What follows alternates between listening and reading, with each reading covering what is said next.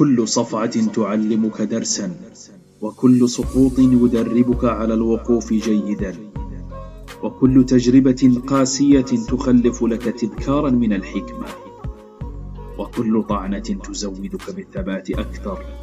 فلا تحزن عند الصدمات فلولاها لبقينا مخدوعين لمدة طويلة.